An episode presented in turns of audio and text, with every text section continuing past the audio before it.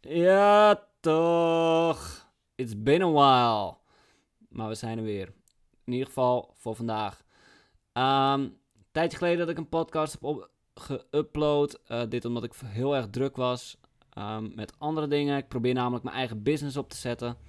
En deze in januari te lanceren. Ehm, en er gaat gewoon super veel tijd in zitten. Dus eh, ja, dan stond dit iets lager op mijn prioriteitenlijst.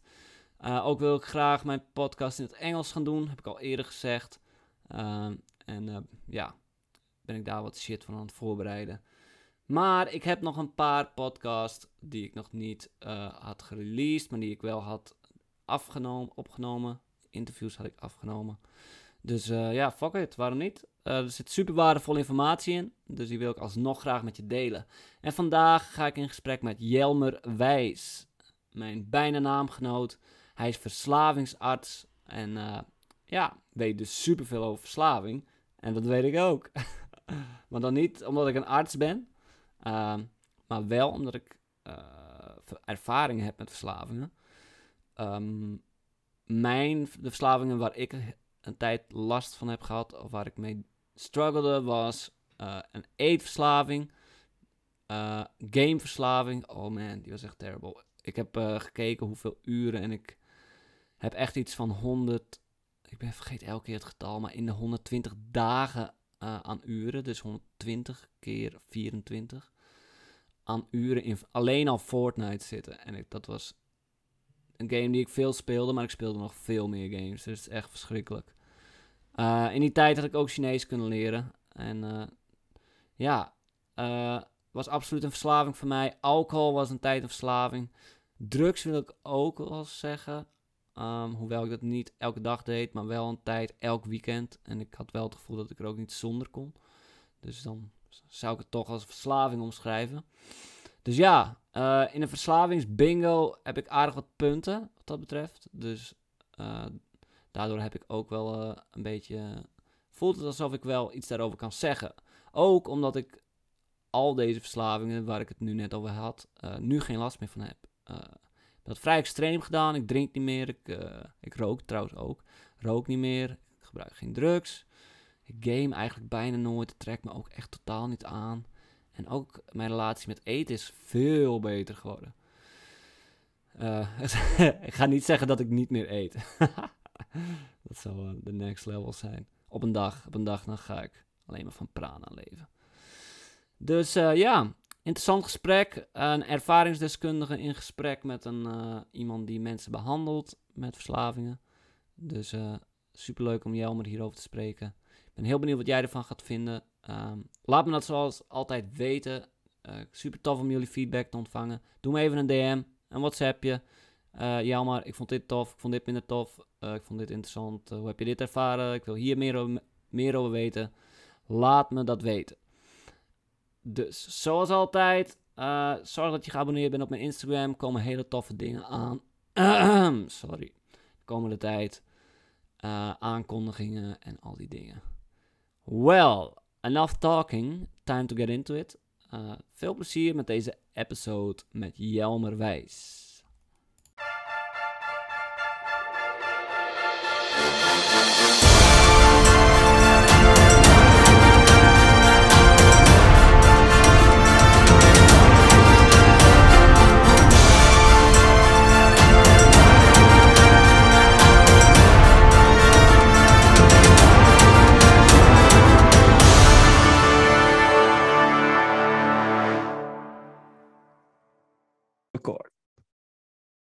Hallo Jelmer, mijn bijna naamgenoot.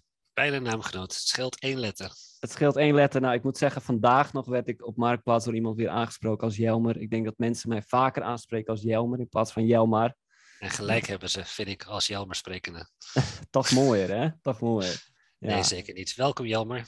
Ja. Dankjewel voor de uitnodiging. Ja, ik ben heel blij dat je in mijn podcast zou komen. En uh, jij bent verslavingsarts bij Jellinek. Dat klopt. Uh, heb je nog andere functies op dit moment of is dat het wel eigenlijk? um, ik ben verslavingsarts bij Jellinek. Ik werk daar op de Hiker Detox in Amsterdam. Um, en verder zit ik in het bestuur van de Verslavingsartsenvereniging Nederland. Uh, mm. Dat is de wetenschappelijke vereniging. Ja, oké. Dus ook in het bestuur. Ja. Je zegt bij de afdeling eh, High Care Detox. Eh, Klopt. misschien kunnen we daar beginnen van wat dat precies is en wat voor activiteiten je daar zoal uitvoert. Ja, is prima. Ehm, het heet de High Care Detox, ehm, omdat eh, daar cliënten komen, die- patiënten, cliënten. Ik weet niet of jij een voorkeur hebt. Wij zeggen meestal zelf cliënt, omdat eh, ja, patiënt eh, impliceert dat het hele zieke mensen zijn. Terwijl ik ook vind, het is juist ook iemand komt iets halen. Ehm, Mm. ehm, wij zijn de, de zwaarste afdeling van Jelinek, eh, de Care Detox. Daar komen de mensen die het ziekste zijn, waar ehm, op vele vlakken, zowel lichamelijk, eh, geestelijk en ook qua verslaving, vaak het meeste mee eh, aan de hand is. Ja, Eh, er zijn andere afdelingen, zo nog een, een hiker detox in Utrecht. Ehm, maar die afdeling is ook een high care en een medium care in één. En in Amsterdam heb je ook nog een medium care. Dat zijn voor mensen die er meestal ja, in ieder geval eh, op een van de vlakken wat beter aan toe zijn. ja, precies. Dus als ik het goed begrijp, heb je high care, medium care en dan is er nog een low care of iets in die zin? Nee, dat, dat bestaat bij ons niet. Nee, de, de, de medium care is gewoon. eh, dat zijn meestal mensen die sociaal vrij goed ingebed zijn, die eh, nog werkend zijn, eh, die Mm. geen ernstige psychiatrische problematiek hebben, die eh, niet lichamelijk ernstig ziek zijn, eh, die een enkelvoudige verslaving hebben, eh, die daar geholpen worden. Ehm, het kan wel wat complexer daar, maar als het veel complexer wordt, dan komen ze bij mij. Hmm, Oké, dus als ik het goed begrijp, eh, want dat was mijn volgende vraag geweest, van wat voor, wat voor klachten moeten mensen hebben voordat ze bij jou terechtkomen? Dan is dat dus meerdere verslavingen. Wat zijn nog meer Het, het, factoren? het kan van alles zijn, eigenlijk. Ehm, wat vaak een rol speelt, is eh, psychiatrische comorbiditeit, zoals het mooi heet. Mensen die ook ehm, een psychiatrische diagnose hebben. Eh, dat kan zijn een persoonlijkheidsstoornis, dat kan zijn schizofrenie, dat kan zijn een onderliggende eh, depressie, suïcide, nou noem het maar. Hmm, Ehm, het kan zijn dat mensen lichamelijk eh, er ernstig aan toe zijn. Dat ze gewoon eh, op een medium care, waar logischerwijs dus minder personeel werkt, niet de eh, zorgzwaarte aan kunnen. Ehm, het kan ook zijn dat ze een, een dermate complexe verslaving hebben van multimiddelen, dan wel de middelen die zo complex zijn om te ontgiften, ehm, als GHB, als alcohol, met mensen die in zult of delier gevoelig zijn. Eh, de, de ernstige opioïdverslaafde mensen, ja, die komen toch vaak bij mij. Oké. En is dit, eh, is dit waar jij ook altijd al gewerkt hebt? Of ben je eerst begonnen bij meer medium care? Hoe ben je eigenlijk in het vak terechtgekomen? Oh, dat is wel een, eh, een go- een goede vraag en een lang verhaal. Ehm, Kijk, eh, ik, ik ben begonnen in de psychiatrie. Ik ehm, had altijd in mijn jeugd eh, het, het idee, ik, word, ik keek altijd vroeger Flying Doctors en ik dacht, ik word een dokter in een ziekenhuis, ik ga levens redden. Ik bedoel, het Ja. vliegtuig was optioneel wat mij betreft. Maar ik, ik, ik wilde echt ehm, ja, gewoon in een witte jas levens redden. En Hmm, dat ja, ja, idyllische beeld heb ik vrij lang vastgehouden tot ik kooschappen ging lopen. En eh, het ziekenhuis is, en, nou, ik weet niet of dat eh, zo gegroeid is of dat het zo hoort of wat dan ook, heel hiërarchisch. hmm. En ik ben zelf heel niet hiërarchisch. En ik kan daar echt zeer slecht mee omgaan. Ehm, ik, ik, En bedoel je met hiërarchisch, beproef ik daar een soort probleem met autoriteit? Ja, dat speelt in mijn geval zeker mee, maar dat, eh, het, het is ook gewoon de organisatie van het ziekenhuis. Je hebt eh, een zekere mate van eh anciëniteit, dat de mensen die langer in een vakgroep zijn, hebben het meest te vertellen. Ehm, de specialist weer meer dan de artsassistenten, daaronder weer de co-assistenten. En weet je, dat, daar, daar is echt een rangen- en standaardmaatschappij. En dat is juist echt alles waar ik tegen ben. Ja, en ook als ik jou zo hoor, klinkt het als een soort cultuur eigenlijk. Ja, nee, de, de, de, de ziekenhuiscultuur is gewoon een heel speciale cultuur. En in het ziekenhuis, ja, nou werkt het, wil ik niet per se zeggen, maar dat is altijd al zo geweest. Ehm, Ja. Maar het past niet bij mij. Het past gewoon echt niet bij wie ik wil zijn als mens en als dokter. Nee. Ehm, het, het leukste kooschap eh, wat ik deed was eh, psychiatrie. Dus ik dacht, ik ga daar ook mijn oudste kooschap doen. Ja. En dat, dat beviel eigenlijk dus. Eh, na mijn oudste kooschap ben ik op zoek gegaan naar een baan in de psychiatrie. Toen ben ik bij eh Mentrum gaan werken. Dat is het broertje van Jelinek. eh, wat Mm. allemaal onder dezelfde paraplu-organisatie Arkin valt.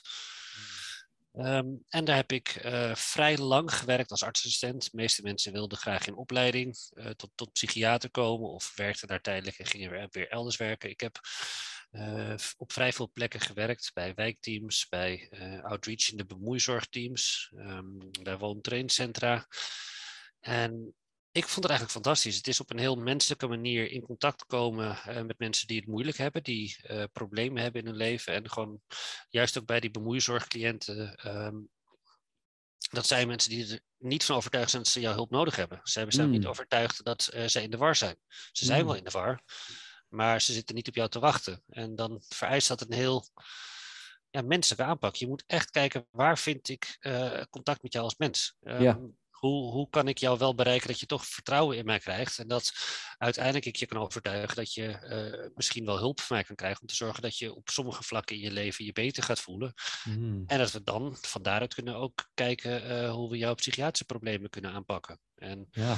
Als je eenmaal die mate van vertrouwen hebt, dan kun je een heel eind komen. Maar dat, dat uh, is een proces. je dat kunt niet wel op een dag aanbellen en zeggen: oh God, ik ben Jelmer, welkom, ik kom je antipsychotica geven, want dan kom je nergens. Nee, nee. Het is wel heel interessant, want eigenlijk wat jij zegt vind ik wel heel vet. Van, uh, dat lijkt me echt een moeilijke doelgroep van mensen die niet het gevoel hebben dat ze jou nodig hebben. En vanuit de eerste instantie misschien zelfs weerstand hebben oh, absoluut. Tegen jouw hulp. En Zeker. Uh, om die te overtuigen, je moet zeg maar een beetje een soort sales uh, sales guy bijna misschien uithangen?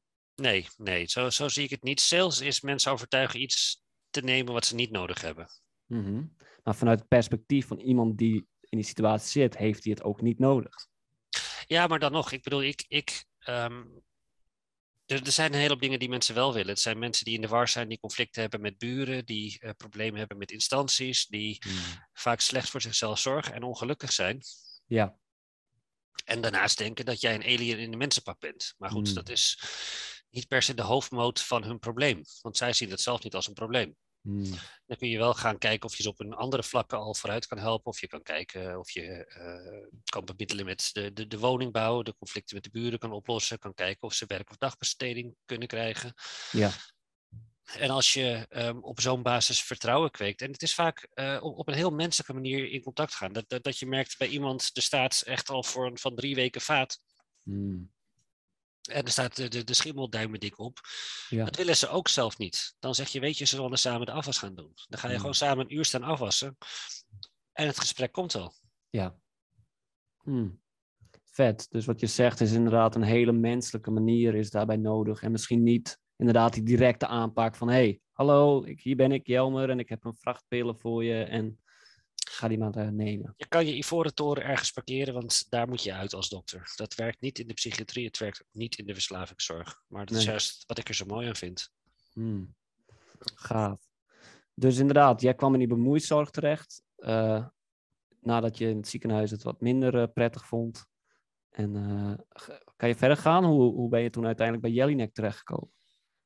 Um, ik was, nou, dacht ik altijd voorbestemd om dan maar psychiater te worden. Hoewel, um, er zijn veel psychiaters die doen hartstikke mooi werk. Maar veel wat ze doen is ook veel overleggen. Veel hmm. contacten omdat het moet van de zekeraar. En ik vond eigenlijk dat ik als artsassistent in de psychiatrie het leukste werk had. Want ik deed hmm. alle leuke dingen. En de psychiater was meer bezig met de overleggen en de managen en dan weet ik wat. Uh, dat ik ook wat ging twijfelen, is dat nou echt wat ik wil? Um, ja. ja, je ziet wel patiënten en ja, je maakt wel beleid, maar het leukste werk wordt door de artsassistent gedaan vaak. Mm. En ik had op. Ik heb een vrouw leren kennen uh, tijdens mijn koosap in de psychiatrie. Um, wij zijn gaan samenwonen. Um, en ik, ik wilde ook tijd voor mijn gezin hebben. Ik had een, een uh, jonge stiefzoon. Uh, ik wilde het ook gewoon voor hem zijn. En de opleiding tot psychiater is gewoon arbeidsintensief, is zwaar.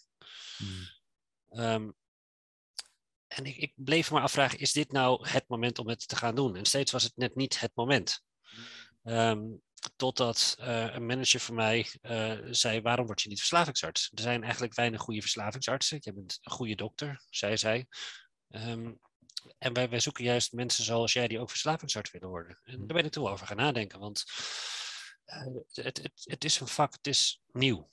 Hmm. Um, waar psychiatrie uh, nou, al uh, eeuwen bestaat. Um, de, de DSM-bijbel is inmiddels aan de vijfde editie bezig. Um, en die is wel een beetje geschreven. De nuances zullen verschillen. Ja. Ehm, en de, de, de paaltjes zullen nog wel eens verzet worden. Mhm. Eh, maar de ziektebeelden zijn wel bekend. Er gaat niet opeens nog een nieuwe soort schizofrenie ontdekt worden. Nee. De meeste behandelmethodes zijn ook bekend. Er zullen natuurlijk wel nieuwe antipsychotica ontwikkeld worden. Er zal nog wel verder eh, innovatie komen. Mhm. Maar de verslavingszorg is nieuw. Daar Mhm. bestaat bijna niks. Het aantal medicamenten dat we hebben, eh, wat ontdekt is per toeval, is op één hand te, te tellen. Eh, Mhm. En ehm, ik heb het ook in mijn omgeving eh, van dichtbij meegemaakt, verslaving. En het is wel echt een doelgroep die eh, ik een heel warm hart toedraag. Ik vind dat ze heel onterecht een stigma hebben in de maatschappij. En Ja. eh, ik had er nooit over nagedacht. En opeens viel het kwartje. Ik dacht, ja, waarom eigenlijk niet? Ik bedoel, Mhm. dit is juist een, een, een nieuw vak waar ik echt nog mijn stempel kan drukken. Waar het, het in psychiaterland dringen is om überhaupt gehoord te, te worden. Er zijn zoveel psychiaters die graag op tv komen, die graag eh, hun, hun stempel drukken op het maatschappelijk debat. Terwijl eh, in verslavingsland, ja, je bent een roepen in de woestijn bijna. Ik bedoel, er, er zijn verslavingsartsen, eh, maar goed, die worden tot op heden eh, nog overstemd door de psychiaters. Die Ja, zich ook graag in verslavingsland mengen. Terwijl Mhm. ik vind, er moet juist ook een arts zijn die alleen voor deze groep opkomt. Hmm. Ja, want wat je eerder al noemt is dat er eh, veel stigma's hangen om verslaving. Wat zijn veel voorkomende stigma's die jij ziet? Eh, je hebt zowel de stigma's van de buitenwereld als van de mensen zelf. En deels overlappen ze. De buitenwereld vindt, je doet het toch zelf. Jij koopt dat bier. Mhm. Jij ehm, rookt die joint. Jij snuift die cocaïne. Eh, het is een keus. Het is jouw keus. Het is een foute keus. Ehm, en als je maar eh, een sterk genoeg persoon was. Als je maar, wat partners vaak zeggen, als je echt genoeg van mij hield, dan zou je wel stoppen. Ja. En dat is niet zo. Nee, ik denk dat ik dat eh, uit ervaring inderdaad dat, eh, kan bevestigen. Waarbij ik ook, eh, nou, voor mij was, ik denk dat mijn verslavingen voornamelijk was op een gegeven moment alcohol, drugs in zekere mate en gamen. Ik denk dat dat de drie hoog ergste waren. En ook al waren die relatief mild, inderdaad ook het idee van, oké, ja, maar ik moet dit gewoon zelf doen. Ik moet niet om hulp vragen. En ook het niet delen, omdat je bang bent voor wat andere mensen dan van je gaan zeggen natuurlijk. En dat, dat ehm, delay, eh, dat eh, duurt vaak tien jaar. Ja. Dat mensen zelf al een probleem beseffen, Hmm. maar voordat ze eh, dermate doordrongen zijn van dat ze hulp nodig hebben en echt niet meer anders kunnen, ben je tien jaar verder. Hmm. Ja. En in tien jaar doe je zoveel ja, verlieservaringen op, je eh, beschadigt jezelf en vaak je omgeving ook zodanig. Hmm. Terwijl dat zou je nooit doen als jij je, je voet breekt. Als jij je Hmm. voet breekt, zit je meteen op de eerste hulp. Hmm. Ja, precies. Een mooie vergelijking die je gebruikt inderdaad. En dat heeft een vriend, een goede vriend van mij ook op een gegeven moment tegen me gezegd van ja, eh, als je nu een je voet had gebroken, dan zou je toch ook zeg maar hulp vragen. En dan zou dat toch ook oké zijn. En dan hoef je toch ook niet die schaamte te ervaren. Maar wat jij zegt, kan ik absoluut bevestigen van het duurt, kan heel lang duren voordat je eindelijk die stap neemt. Van, en ook het besef, zo van oké, ja, ik heb, heb hier met een probleem te maken. Wat je vaak bijvoorbeeld bij roken is, wat ik super vaak hoor, is over ja, maar ik kan stoppen wanneer ik wil. En ehm, Als ex-roker kan ik zeggen, eh, dat is makkelijker gezegd dan gedaan. Ik eh, heb er vele pogingen over moeten doen om er vanaf te komen. ja, En dan, dan ervaar je zelf ook hoe ja, ingewikkeld het is. Hmm. Ja, dat is het. En inderdaad, het, het, het kan echt lang duren voordat het zeg maar dat je dus. Ja, misschien is het dat je er genoeg klaar mee bent. Misschien zijn dat. Kan jij dat eh, iets over vertellen van. Wat zie jij bij mensen wanneer zij. Ja, ik weet niet of heel het woord is, maar van hun verslaving afkomen. En we kunnen het hebben over in hoeverre jij denkt dat mensen überhaupt echt van een verslaving afkomen, kunnen komen. Maar wat zie jij, wat zijn succesfactoren? Oeh, ingewikkelde vraag. Ehm, eh, ik, ik zeg altijd, je moet het altijd weer opnieuw proberen. De mensen zijn vaak gemotiveerd, sterk Hmm. gemotiveerd. Maar goed, dat was ik, eh, om het maar gewoon op mezelf te, te betrekken. Eh, als ik stopte met roken, was ik ook gemotiveerd. Ja. En ik was een jongeman, succesvol, hoogopgeleid. Dat, ik bedoel, het, het zegt niks. Nee. Ik dacht ook altijd van, mijn, mijn wil is wel sterk genoeg enzovoort. Nou, dan stopte ik een week, een maand, een half jaar. Ja. Dan rookte ik één sigaret en dan was ik weer meteen verkocht. Ja, En dan zat ik weer meteen op een pakje per dag. ja. ja, En eh, het, het, het kwartje moet een keer de goede kant opvallen. Dat je op een gegeven moment merkt, dit is mijn moment dat het wel lukt. En Mm. ehm, daarom, ik, ik werk op een detox. Eh, mensen komen eh, soms vaker dan één keer bij mij. Mhm. Omdat ze weer terugvallen. En een terugval is gewoon een symptoom van de ziekteverslaving. Mm. Dus dat moet je ook gewoon accepteren. Dat hoort bij de ziekte. Ik bedoel, Ja. eh, dat moeten wij ook juist omarmen als een detox. Dat eh, mensen die weer komen, hebben opnieuw de kracht gevonden om hulp te zoeken. Mm. En als je het zo bekijkt, dan is het juist knap dat mensen komen. Ja, dat vind ik heel mooi dat je dat benoemt. Want inderdaad, ik kan me herkennen dat misschien nog wel de grootste momenten van schaamte soms eh, en eh, geestelijke pijn eigenlijk waren als ik inderdaad terugviel. Dus ik ging bijvoorbeeld weer roken, weer drinken of eh, weer, zat weer de hele da- dag te gamen of whatever de verslaving op dat moment was. En dat je dan super schuldig voelt en echt zo denkt van, ah ja, nou ja, dit, dit is het en ik ben weer terug en ik heb net zo goed mijn best gedaan. En dan, om dan weer opnieuw te beginnen, kan best als een grote stap voelen. Ehm, maar inderdaad, het is, als je dat wel doet, dan is het des te alsnog zo van goed dat je die stap hebt genomen. Absoluut, absoluut. Het is, het is juist, ik bedoel, verandering is moeilijk. Dat kost werk, het doet pijn. Status quo is makkelijk. Gewoon accepteren dat het weer is wat het is. En eh, zelf met, met, met roken, als ik terugviel weer met roken, dan rookte ik weer rustig een half jaar of een jaar door. Ja. Voordat ik weer de moed bij Mm. elkaar had geraapt om het nog een keer te gaan proberen. Eh, Ja. het, is, het, het, het is niet simpel. En verslaving is niet makkelijk te overwinnen. En het blijft een, een kwetsbare plek. En dan was ik uiteindelijk, dacht ik er vanaf, dacht ik nou één, één sigaretje, en dat is vaak het Mm. verhaal, dat kan wel op een feestje. Maar één werd er twee, werd er drie, werd er, oh, ik koop wel een pakje, want ik ben wel heel erg veel aan het bietsen. Ik neem het pakje mee Mm. naar huis. Zo En dan was je weer. Ja, nee, maar zo gaat dat. En Ja. Ja, nee, en dat is het inderdaad. En ik heb zelf vaak het idee dat het ook met drempels te maken heeft. Bijvoorbeeld, op dit moment voor mij is de drempel om te gaan drinken heel erg hoog. Want ik heb twee jaar lang heb ik niet gedronken. Eh roken hetzelfde. De drempel om te gaan roken zou heel groot zijn. Stel, ik zou een trekje nemen. Dan is de drempel om een hele sigaret te nemen, te roken, is ook alweer kleiner. En als ik een hele, si- eh, een hele sigaret heb gerookt, is de drempel om een pakje te kopen voor mezelf alweer veel kleiner. En als je die grens voor jezelf hebt waar je volgens overheen gaat, dan, dan vervagen ze en dan komt het steeds weer, ja, waar, waar hou je jezelf dan wel aan? En dat is vaak het punt ook, dat, dat je merkt dat mensen denken, maar eentje kan wel. En, Ja. Maar eentje kan vaak niet. Ja. En wat ik interessant vind en wat ik ook graag met jou zou willen bespreken, want er zijn mensen, bijvoorbeeld in mijn vriendenkring, die ik, dat, die ik zie, die kunnen dat wel. Die eh, roken in het weekend bijvoorbeeld eens even een sigaretje. En als de kans er niet, zich niet weer voordoet, dan hebben ze verder ook geen interesse daarin. Of die drinken eens even een biertje of eten een koekje. En voor mij zou het, ik heb nog steeds het gevoel soms dat als ik nu zou gaan drinken, en ik heb het met drugs ervaren een jaar geleden, toen ik dat weer eens gebruikte, wat jij zei met roken, van het was er weer. Die neiging om de volgende dag weer te doen, was gelijk Zeker. weer terug. Wat zie jij bepaalde dingen? Is dat persoonlijkheid? Eh, wat Dat is er... zeker niet persoonlijkheid. Dat is gewoon ehm, gevoeligheid. Hmm, Elk huisje heeft zijn kruisje en jij bent gevoelig voor verslaving. Ja. Waar de andere mensen ehm, een makkelijk suikerziekte ontwikkelen of een hoge bloeddruk, is dit jouw kruisje. Hmm, En mensen die niet gevoelig zijn voor hoge bloeddruk, die kunnen heel zout eten. hmm, Mensen die niet gevoelig zijn voor suikerziekte of voor obesitas, die kunnen lekker veel snoepen.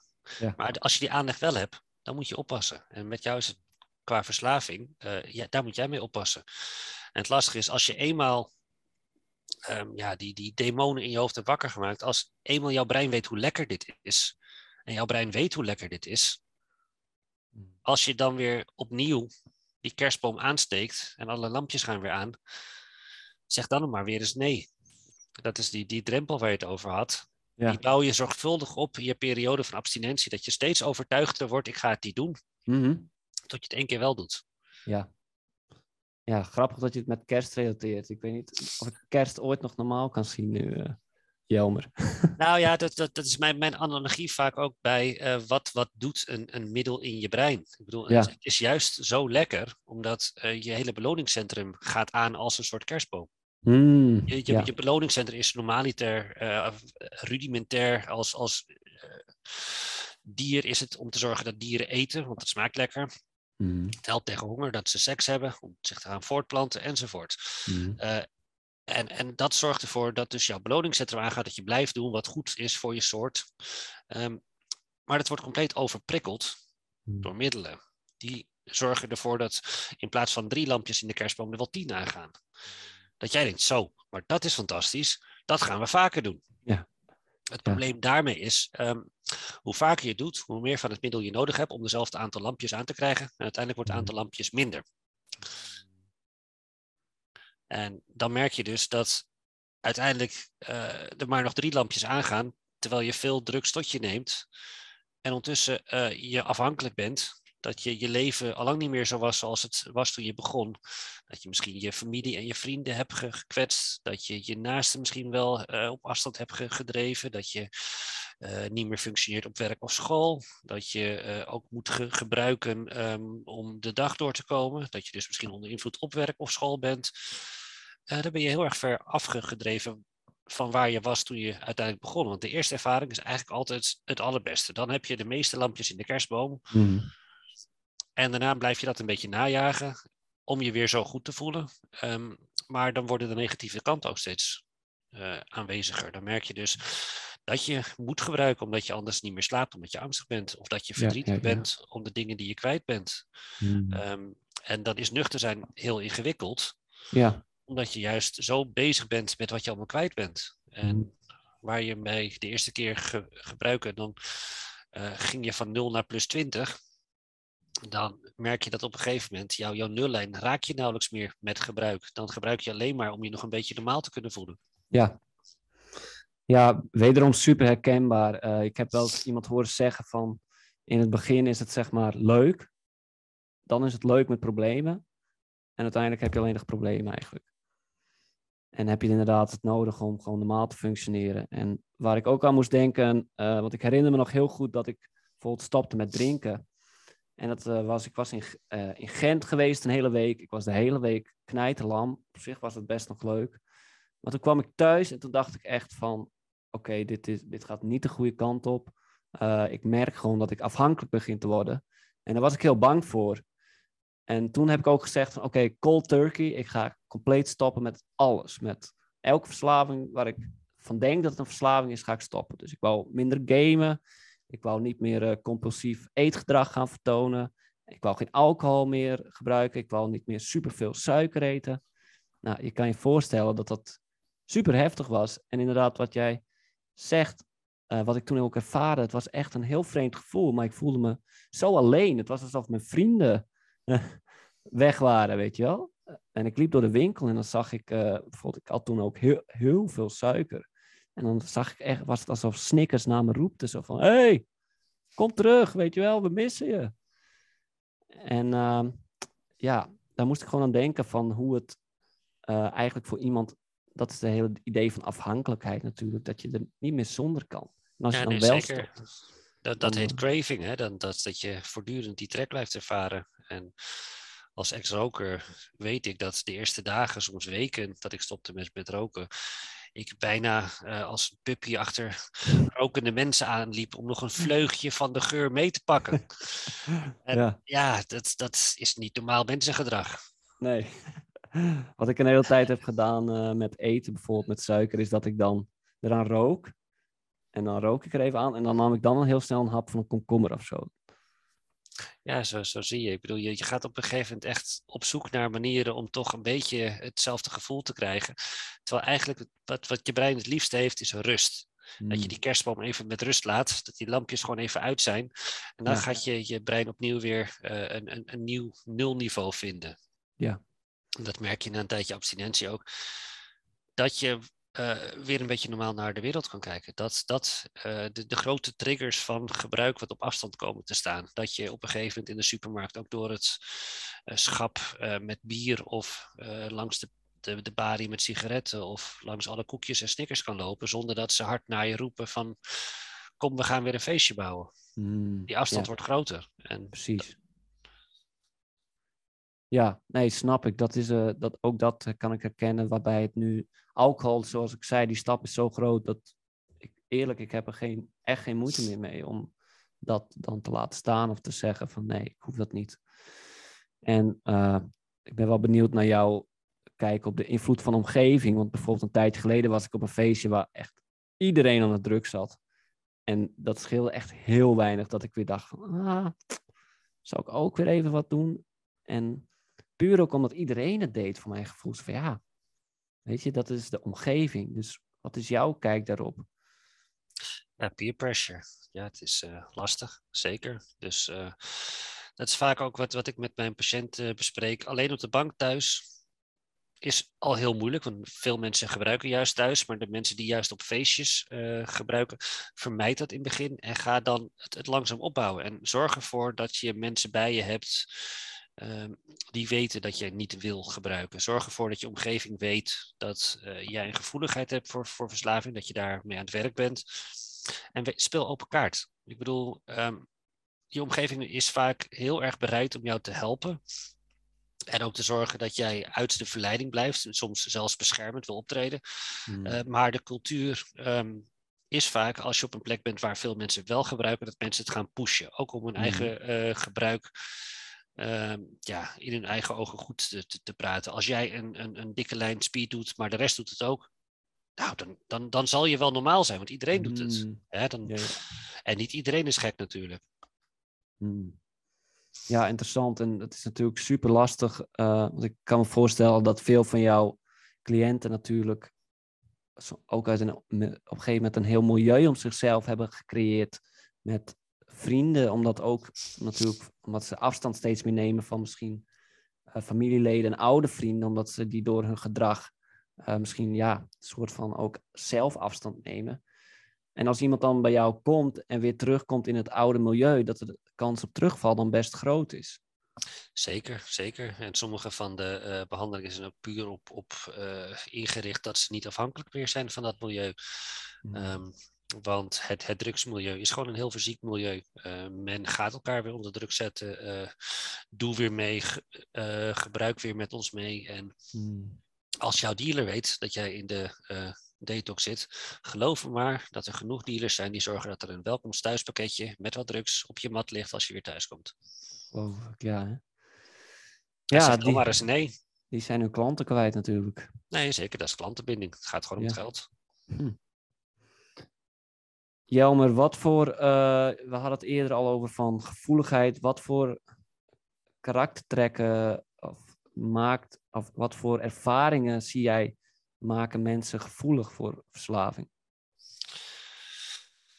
Het wordt een heel generaliserend antwoord. Daar ben ik een beetje bang voor. Ik, ik, ik, denk dat iedereen gevoelig is voor verslaving. Als je maar genoeg hmm. tegenwind hebt in je leven. Um, uh, in beginsel is een verslaving een kruk waar je op leunt om te zorgen dat je wat steun hebt. Uh, ja. En ik denk dat als iemand maar genoeg ellende meemaakt, dan zoek je iets om te zorgen dat je staande blijft. Eh, mm. als je veel uh, verdriet hebt of angst, um, dan zoek je iets om je te verdoven, om je eventjes tijdelijk beter te voelen. En geloof me, het werkt. In beginsel, mm. elke druk waar mensen aan afhankelijk raken, zorgen ervoor dat mensen tijdelijk zich beter voelen. Mm. Dat ze tijdelijk nog kunnen functioneren, ja. uh, dat ze nog kunnen slapen, dat ze ehm, niet de hele uh, avond zitten te piekeren. Um, het probleem is, het is niet meer genoeg na een paar keer. Dan heb je weer meer nodig, of je wil mm. meer, omdat het zo lekker is en omdat het juist je zo beter doet voelen, terwijl de situatie om je heen zo verrot is. Ja, ja, ja. En als dat evenwicht verder zoek raakt, wat ik al zei, van um, hoe meer je uh, in gebruik raakt, hoe minder je eigenlijk oog houdt voor de belangrijke dingen om, je omgeving. Dat je uh, toch mensen kwetst, dat je misschien je werk of school kwijtraakt, dat je steeds eenzamer wordt. Dan wordt de drang om te gebruiken des te groter. Mm -hmm. um, en dat heeft niks met een persoonlijkheid of een karaktertrek te maken. Heel veel mensen zeggen, oh het spijt me zo dat ik er weer ben als ze binnenkomen op de, de detox. Zijn ontzettend boos op zichzelf van ik zal wel een, een zwak persoon zijn dat ik weer ben teruggevallen. Ja. Helemaal niet, je hebt gewoon pech. Hm. Ja, inderdaad. Ja, wat je zegt, uh, iedereen heeft natuurlijk een breekpunt. En uh, ja, en er zijn absoluut genetische factoren. Ik bedoel, als, als je ouders hebt met een, een verslaving, is de kans dat jij verslaafd raakt groter. Um, um, en, en, er zijn aandoeningen waarbij de kans op een verslaving ook groter is als jij heel verhoogd angstig bent. Hmm. En je merkt dat je met een borreltje jezelf moed kan indrinken. Hmm. Waarom zou je het niet doen? Het helpt. Het is een hmm. medicijn in beginsel. Ja, nou dat is wel heel accuraat, denk ik, dat je dat zegt. Van, het werkt ook in het begin. Het is ook eigenlijk wat ik zelf wel eens zeg, uh, het is heel onvoorwaardelijk in het begin. Zo van, stel je hebt een kuddag, uh, nou ja, je, je glas bier gaat niet zeggen van, oh nou, uh, ik heb vandaag even er geen zin in hoor, stik er maar in. Het, het nee, maar dat, ja, juist dat. Ik bedoel, het helpt. Het, het, is eventjes die arm om je schouder of eventjes zorgen dat jij je weer als mens oké voelt. Ja. En het is in de huidige samenleving best lastig. De eisen zijn zo hoog. Het verwachtingspatroon van iedereen is zo hoog. Iedereen moet uh, fantastisch mooi zijn op Instagram, voldoen aan alle eisen uh, op de socials, een goede baan, uh, een, een, huis. Terwijl het, het, het, is een soort enge red race aan het worden waarbij bijna niemand meer voldoet. Nee. Blijft dan maar een staande. Ja, want jij hebt natuurlijk enige ervaring. Heb je dat zien veranderen door de tijd heen? Wat bedoel je? Nou, je zegt al, social media gaat natuurlijk een steeds grotere rol spelen. Het is nog relatief jong, zou ik zeggen, social media. Heb jij dat zien veranderen door de tijd heen? Dat dat een oorzaak eigenlijk, of dat het meespeelt? Uh, ja, goed. Ik heb zelf kinderen in de leeftijd van puber tot nou, op, de, op de basisschool. Um, ik, ik vind dat de, de saamhorigheid in de samenleving raakt steeds verder zoeken. Het wordt steeds meer gepolariseerd en het wordt steeds meer. Uh, het gaat erom hoe jij zo perfect mogelijk kan overkomen op anderen. Terwijl dat, dat zou volgens mij nooit de, de, de inhoud van het leven moeten zijn. Je moet juist met z'n allen kijken hoe je de wereld zo mooi mogelijk maakt. En dit ja, is zo individualistisch en zo op, op eigen uh, succes en ook de, de, de uitstraling van succes. Uh, die, die druk is heel hoog. En dat zie je ook bij toch de, de, de mensen die zogenaamd succesvol zijn en heel veel in de picture staan, die hebben heel erg vaak een middelenprobleem. Die hebben heel erg vaak uh, moeite om zich staande te houden. Want het is eigenlijk een heel leeg bestaan. Ja. Ja, ik heb één... Ik, ik, ik, ik ben bang voor hoe dat verder gaat polariseren, moet ik eerlijk zeggen. Ik, ik zou heel erg graag zien. Ik bedoel, vroeger had je ook de, de, de mensen uh, in de samenleving die het minder makkelijk hadden. Maar daar droeg je met z'n allen zorg voor. Als ome Henk in de heg uh, lag omdat hij weer, weer dronken was, zorgde de rest van het dorp dat ze hem thuis brachten. Dat de volgende dag in ieder geval nog iemand even naar hem omkeek. Hmm. Tegenwoordig weten, weten de helft van de mensen niet eens meer hoe hun buren heten. Nee. Nee, ik, uh, ik snap uh, wat je zegt inderdaad. En uh, dat, dat is ook wederom misschien een soort stigma of zo. Waarbij op social media, en ik, hier ben ik, heb ik zelf ook aan bijgedragen heel lang. En dat is ook een reden voor mij geweest om die, deze podcast te starten. Want ik merk dat als ik er wel over praat, dat ik bijvoorbeeld last heb gehad van verslaving of soms last uh, heb gehad van depressieve episodes, dat er ineens heel veel mensen zijn die dat ook hebben en die ook zoiets hebben van ja, maar hier kan ik niet over praten, want dat is niet, uh, wordt niet geaccepteerd. En social media dwingt je misschien bijna een soort van om perfecte plaatje te laten zien. En je vervolgens zit je te scrollen en denk je, oh ja, die persoon heeft het perfect en die heeft een mooi leven, oh, die is er elke dag op vakantie. En dan ga je je misschien nog slechter voelen en nog meer schaamte creëren, omdat jij last hebt van verslaving of misschien niet eens, maar gewoon niet dat perfecte leven leidt. Nee, maar wat, wat is perfect? En, en dat is juist ook de, de mores in de samenleving. Ik bedoel, vroeger was het prima als je gewoon goede opleiding had, een, een, een, leuke vrouw of man aan je zijde uh, en je was gelukkig. Tegenwoordig moet je uh, zorgen dat je, dat je van je vakantie Instagram-ready foto's hebt. Dat, dat als het even kan, je, je hobby's ook zeer fotogeniek zijn, dat je die kan delen met iedereen. Waarom? Waarom? Het gaat er toch om dat je een leuke dag hebt. Ik bedoel, daar zou het om moeten gaan. Maar ja. op de een of andere manier is dat, dat totaal uit het zicht geraakt. Want je kan geen leuke dag hebben zonder dat anderen vinden dat jij ook een fotogenieke dag hebt op Instagram. Het, gaat echt nergens over. Maar goed, ik, dat is ook ja, mijn, mijn ding. Ik, ben, ik vind het verschrikkelijk. Ik vind het echt. Het, drijft zo af van, van waar het om zou moeten gaan als mensheid. Ja. Ja, ik snap het. En het is een valkuil uh, voor mij ook nog soms nog steeds. Van dat ik inderdaad bezig ben met, met een activiteit. En dan denk ik, oh ja, ik moet het wel even vastleggen. Want nou ja, om bedrijfsredenen, zeg maar.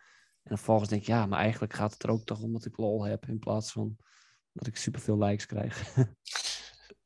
maar ja. Ja, maar likes zijn ook verslavend. En dat is het ja. Ja, absoluut. En het aantal volgers ook. En daar, daar, dat is ook weer een soort verslaving waar mensen dan in, in meegezogen worden. Maar...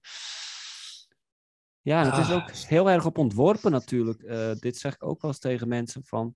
Het is ook niet per se heel raar dat je bijvoorbeeld aan games verslaafd raakt. Want ze hebben eigenlijk gewoon een beetje het brein gehackt bijna. Ze hebben gekeken hoe ze een game zo verslavend mogelijk kunnen maken. Zeker, zeker. En uh, op zich, uh, het, het, het, goede aan games is, het is in ieder geval niet, lichamelijk schadelijk. Um, mm. En er zit vaak nog een behoorlijke mate van sociale interactie in. Dus als je het kan reguleren qua tijd, dan is er niet zo heel erg veel mis mee. Dan kun je nog steeds wel dagelijks gamen, maar mm. Als op een gegeven moment het, evenwicht zoek raakt en het beïnvloedt de, de rest van je sociale functioneren, uh, mogelijk ook je, je schoolprestatie of wat dan ook, ja, dan, dan wordt het ingewikkeld. En dat is echt iets, iets ja, wat, wat volgens mij, ik bedoel, ik gamede vroeger ook heel veel. Uh, mm-hmm. uh, je hebt zelf nog, ook... een, nog een vette gaming head headset, hadden we net al besproken. Jazeker, jazeker. en ook ambities om weer te gaan gamen, alleen te veel tijd aan kinderen kwijt. Dus dat gebeurt eigenlijk zelden. Maar ja. de ambities zijn er nog steeds. Ja, de game of life uh, heeft prioriteit op dit moment. Ja, dat zeker, dat zeker. En dan uiteindelijk als uh, iedereen op bed ligt, dan is op de bank zitten en even Netflix ook prima als je moe bent. Dus, uh... hmm. ja, precies. Nou, het is wel waar wat jij zegt, van het hoeft niet een probleem te zijn, maar er zijn gewoon, ik zie zoveel dingen waarbij mensen echt gewoon heel hard hun best hebben gedaan om ook, bijvoorbeeld een heel dom voorbeeld, maar ik weet dat Pringles bijvoorbeeld. Ik denk, nou, Pringles, maar ze hebben precies nagedacht over de perfecte crunch factor van een Pringle. En daar zijn mensen hebben daar hun werk van gemaakt om te zorgen dat jij niet gewoon één Pringle kan eten, maar dat je ook blijft dooreten. Ik bedoel, misschien kan jij dat, maar als ik een bus Pringles open, dan gaat die op. en uh, dat met, zie ik met games en andere dingen van Netflix misschien. En het hoeft niet een probleem te zijn, maar het, Nee, maar dat, dat is ook zo. En, en, en het gaat ook dan puur om winstmarge. Ik bedoel, Netflix die is blij als je blijft doorkijken. Pringles is blij als je die, die bus in één keer leeg eet. Want dan moet je weer nieuwe kopen. Uh, en ja, weet je, uh, wij, wij, wij, kunnen niet verwachten van grote bedrijven dat ze filantropisch uh, aan de slag gaan. Dat gaan ze niet doen. Nee. Die willen de winst maximaliseren. Um, als het even kan, nog een beter product ontwikkelen wat nog verslavender is. Ja. Ja. Dus dan, dan, moeten we deels als samenleving kijken van hoe zetten we daar paal en perk aan. Ik bedoel, dat is ook gewoon een wetgeving hmm. en een regulering. Um, en toch zorgen dat, dat we mensen weerbaar maken. Um, ja, wat, zou, wat zijn goede manieren volgens jou om mensen weerbaarder te maken? Oeh, het hangt een beetje vanaf in welk deel van de context, want we hebben het over heel veel gehad. Um, hmm.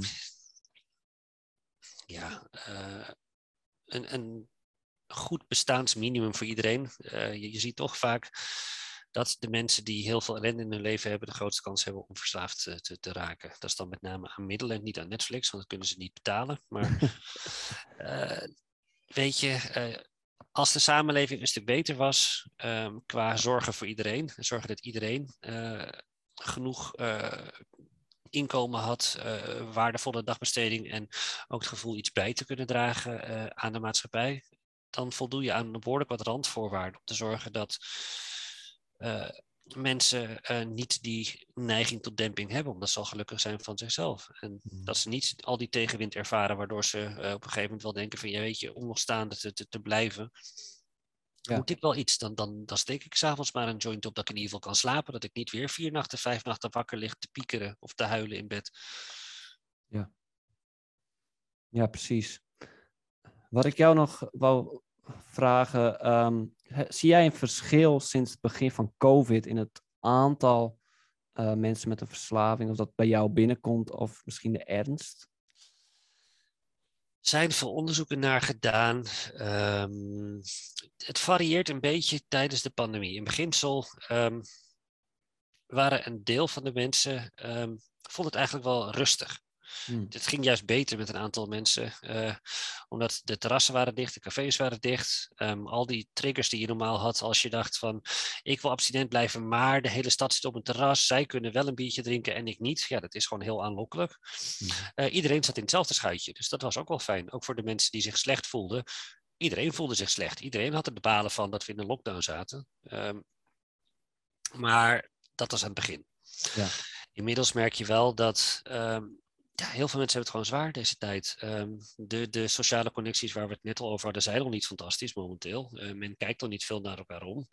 Maar het wordt nog veel lastiger als je in lockdown zit. Als je anderhalve meter afstand moet houden. Als je wantrouwend moet zijn of iemand al dan niet een vaccin heeft enzovoort. Uh, de samenleving polariseert daarop. Uh, je merkt wel dat um, ja, mensen daardoor onderuit gaan. Het zijn niet per definitie grotere aantallen um, dan voor COVID. Uh, maar je merkt wel dat, dat ook de, de, de pandemie gewoon wel zijn weerslag heeft op de zwakkeren van de samenleving. Daar wordt uh, ja, weinig rekening mee gehouden dat die ook nu, nou, anderhalf jaar zeker, uh, heel veel voor een kiezen hebben gehad. Ja. Um, en de rek is er wel een beetje uit bij sommigen. Ja. Nou, dat is wel interessant. Ik werd ook geïnterviewd door de lokale omroep hier in Groningen, waar ik woon. En die maakte het statement van ja, mensen schijnen zich uh, volgens ons onderzoek nog steeds even goed te voelen als voor COVID. En dat was dan een interview wat ze hadden gedaan bij mensen op straat. En ik denk van ja, oké, dat kan kloppen, maar hoeveel mensen zitten natuurlijk thuis die dat, die, ervaring niet delen?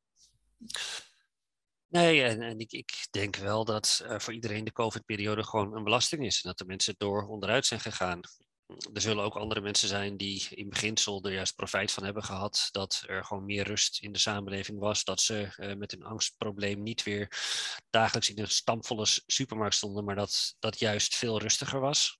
Um, mm -hmm. Maar uh, het duurt wel te lang. Dat merk ik wel. En ik merk wel dat um, de mensen die gewoon heel ziek zijn, um, en dat duurt al anderhalf jaar, ja, dat, dat ze uh, mogelijk wel in slechtere toestand binnenkomen. Dat, uh, juist ook omdat de, de controle van naasten minder is, um, mm -hmm. dat je merkt. Uh, sorry, er zijn niet heel veel sirenes omheen.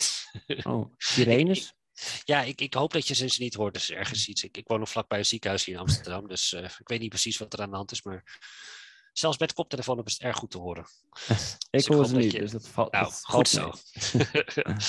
um, terugkomend op wat ik zei. Um, het, het duurt gewoon te, te lang uiteindelijk. En, en iedereen merkt dat ze het gewoon wel zwaar hebben gehad. Dat ook juist de, de dingen die veel mensen deden ter ontspanning uh, niet of nauwelijks mogelijk zijn geweest. Uh, sporten, um, uitgaan, uh, naar de film, wat dan ook. Alle, alle pleziertjes waren ook maar marginaal aanwezig. En je merkt wel dat het uiteindelijk toch uh, wel genoeg is geweest voor veel mensen.